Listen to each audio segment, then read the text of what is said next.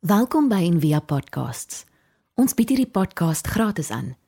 Om 'n bydrae te maak, besoek gerus ons webblad en via.org.za vir meer inligting. Dit was nie 'n once off wegrol van die klip nie. Die opstanding het gebeur. Dit gebeur en dit sal weer gebeur. Ons kyk terug in hierdie reeks na die afgelope jaar, maar ons kyk ook in die proses vorentoe want mense kyk op jou beste vorentoe as jy eers 'n bietjie terugkyk. Ons kyk veral vorentoe. Ons is anders. Ons het verander. Ons het geleer lewe met verlies, met onsekerheid, met sterker of stikkender verhoudings, met um maskerwonde. Dit is um dis 'n pysie wat nie daar was voor jy jou masker opgesit het nie en as jy hom afhaal is hy daar. Onmisbaar daar. Ons het geleer leef met minder hulpbronne, met meer vakmanskap. Maar bovenal vir my met 'n met 'n diep respek en agting vir vir lewe met 'n hoofletter. Nie net lewe bestaan nie. Uh die lewe onder die lewe. En retrospek lei na respek. Um respek beteken mos twee keer kyk om vir 'n oomblik stil te staan om om mekaar in die lewe nie net een keer in die oë te kyk nie, maar maar twee keer te kyk. En ek dink baie van ons het besef dat wat ons lewe noem net bestaan is. Nie lewe met 'n hoofletter nie. Soos um, Nina Cassian skryf in haar gedig Temptation. Call yourself alive. Look, I promise you that for the first time you'll feel your pores opening like fish mouths and you'll actually be able to hear your blood surging through all those lanes and you'll feel light gliding across the cornea like the train of a dress.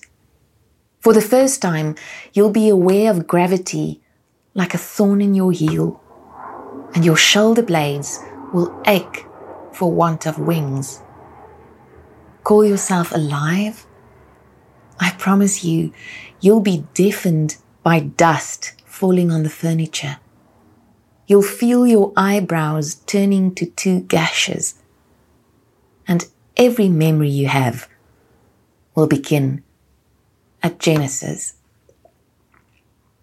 En dan besef 'n mens dat 'n klomp ure van jou dag, die meerderheid van jou dag, dat ons nie werklik lewendig is nie. Ons harte klop, maar ons is nie lewendig nie. En so gepraat van Genesis en en Jesus se kruisdood en gewone vlees en bloed mense wat skielik begin lewe. Daar's 'n Latynse woord fiat. Dit is nou nie die die kar waarna baie mense ry nie. Fiat beteken uh to to let be. To let it be om om dit te laat wees. En daar's drie groot momente in die in die woord waar hierdie fiat oomblikke vir my verskriklik duidelik is. En die eerste ene nie in die uh die eerste een kronologies nie, maar die eerste een waaroor ek nou vanoggend wil gesels is die een wat Jesus in Getsemane geuiter het. Toe hy gesê het: "Father, if you are willing, remove this cup from me. Yet not my will, but always yours be done. Let your will be done. Laat u wil geskied. Laat dit wees." En dan is dit betekenisvol dat dat sy woorde hier bykans identies is aan die wat sy moeder so wat 33 jaar van tevore geuiter het. En Maria sê: "Hier is die diensmaagd van die Here. Laat dit met my wees volgens u woord." En die engel het van haar weggegaan. Then Mary said: "Behold, I am the handmaiden of the Lord. Let it be done to me according to what you have said."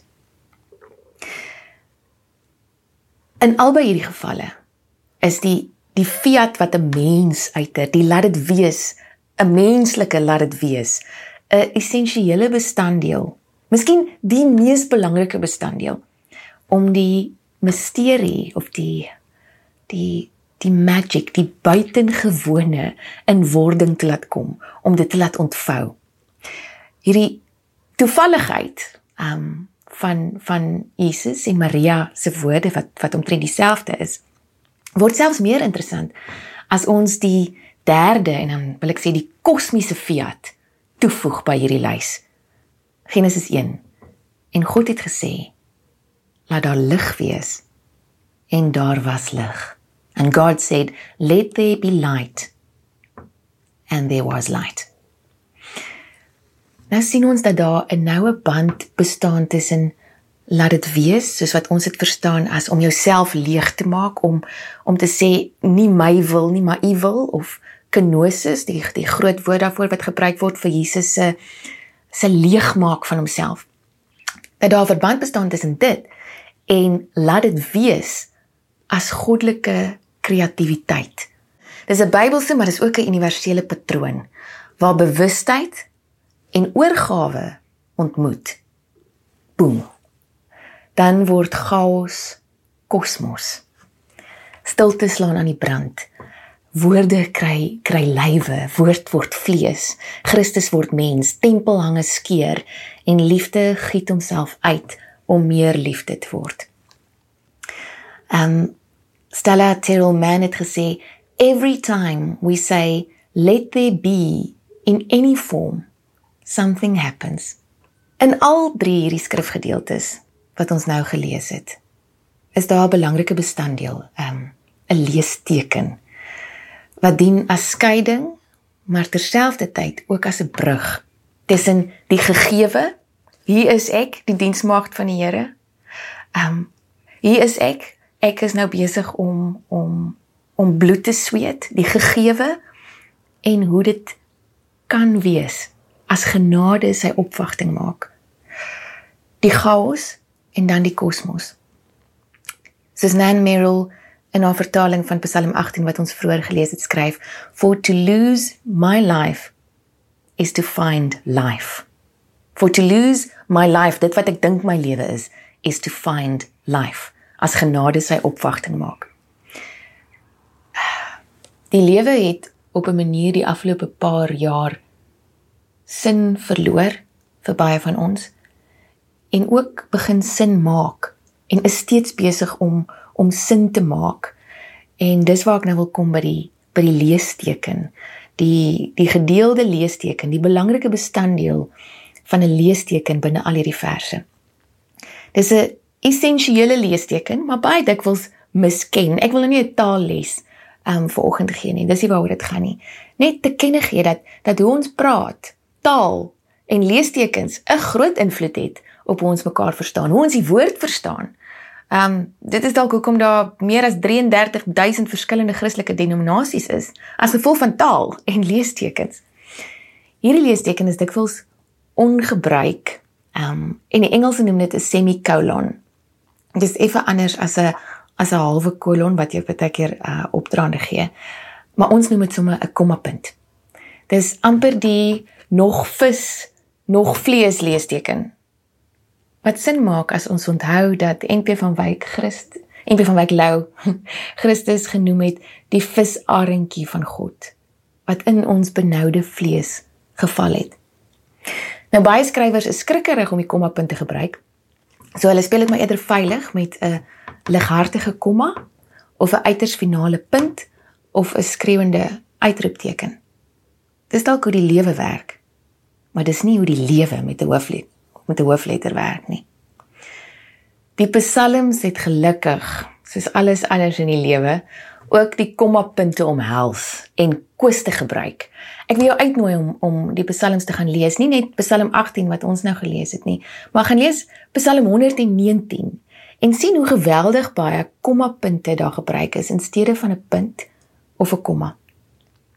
Dawid het nie weggeskram van paradokse en teenstellings nie. Sy God was die brug tussen al hierdie teenpole, dit wat hy in die wêreld gesien het en veral dit wat hy in homself gesien het. Die psalms, soos iemand al gesê het, maak nie 'n godsdiens uit 'n mens se beter oomblikke nie. Dit vat alles en lê alles voor God se bors neer. Van daardie kommapunte. Want 'n kommapunt mag nooit gebruik word om 'n sin te eindig nie. Very maak en al daai mense moes eintlik 'n komma punt ingespan het vir hulle advertensie veldtogte wat sê but wait there's more. I'm still rolling stones. Om te lewe met 'n komma punt of te lewe met Christus as jou komma punt is om met diep respek vir die lewe om te gaan vir almal rondom jou om te gaan ehm um, Daar's mos nou 'n slagspreuk wat sê um this is not America. Um as as dit kom by by rasse geweld en en geweld teen vroue dan dan is Biden en en baie ander mense lief daarvoor om te sê this is not America. Maar Brené Brown het 'n um, hierdie week geskryf um daaroor en sy sê na die nuutste voorval van wat beskryf word as rassegeweld. Sy sê Please stop saying this is not America. When another unarmed black man or black boy is killed by the police, please stop saying this is not who we are when there's yet another school shooting. This is America. This is who we are. Until we own this truth and our history of white supremacy, this truth and history will continue to own us. Transformation and denial are mutually exclusive. Transformation and denial are mutually exclusive. Ons kan nie in in denial en ontkenning leef en verwag om getransformeer te word nie. Dis wat ons in Psalm 18 gelees het. En ek is mal daaroor hoe, hoe Nan Merrill psalms vat en en en dit vertaal uh vir die hart For I pursued my fears and faced them and did not run back until I was free. I saw each one through so that they were not able to rise. Kom op punt. They were transformed by love. But wait, there's more. They were transformed by love. Om te kan sê, this is America. Kom op punt. this is God in ons geval en ek dink ons is al verder op hierdie op hierdie reis van om om nie goed te ontken nie. hierdie is Suid-Afrika. Kom op punt. Hierdie is God. Hierdie is Frida, kom op punt. Hierdie is God. As die teoloog en filosoof Catherine Keller skryf oor oor onderdrukking van 'n ander soort, 'n uh, 'n ander tipe um isolasie. Uh maar ook isolasie in die vorm van apartheid soos ons dit ken. Dan sê sy vir baie mense reeds met geboorte is daar 'n pad voorberei of uitgelê wat as gegeewe aanvaar dat daar nie 'n pad is nie. Enige iemand in 'n krisis kan ook daarmee assosieer. Alle vorige versekeringspolisse hou nie meer stand nie. Jy voel verwerp deur selfs God wat jy gedink het jy ken. En vir mense wat in so aanhoudende krisis leef, soos wat afgedwing word deur 'n kollektiewe ongeregtigheid, is bewustheid van hierdie tipe woestyn akiet. Soos vir Moses wat hierdie groot en bang populasie die Israeliete deur die woestyn moes lei en waar hy gedink het no way, daar's no way. Maar diegene wat sulke tipe akiete wegwysers ken, wat leef met swaar kry, kom ook baie nader aan die waarheid oor die skepping.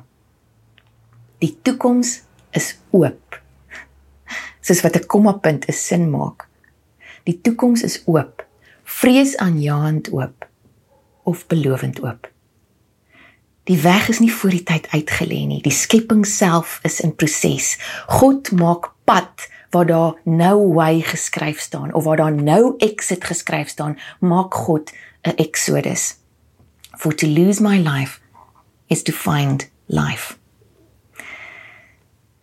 Ons het nou meer as ooit harte nodig, soos wat ons aan die begin van ons liturgie met die kers gevra het, harte nodig wat vlerke word, wat fakkels aansteek, wat wat verdragte sluit. Mense wat hulle dae bewoon, geleefde lewens. En ek wil vir ons afsluit met hierdie gedig deur 'n Terry L Chapman Sy noem dit in praise of the semicolon. Never put a period or colon or even a comma where God put a semicolon. Unlike the settled before its time period, or the colon's invitation to see all possibilities, or the exclamation point screaming insistent finality, or even the light-hearted comma with its Sabbath pause. The outrageous semicolon holds us in the middle without yielding to one thing or the other. It's so easy to get lost along the way where there's so much pushing and pulling. God, I believe. Help my unbelief. Amen. Life. Kom ons bid saam. En as ons saam sê amen aan die einde, hoor ons nie the end of merke gereed vreet nie, maar lewe. Amen. Kom op punt. Lewe. Ewige Gees, gee ons asem. Ewige Saligmaker, kom na ons. Ewige lig, skyn in ons harte. Ewige hoop, verlig ons oë. Ewige krag, wees ons rots. Ewige wysheid, maak ons wys. Ewige helderheid, help ons sien. Ewige lewe, red ons daagliks van die dood. Amen. Ons hoop van harte jy het hierdie podcast geniet of raadsaam gevind. Besoek gerus en via.ok.za vir meer inligting.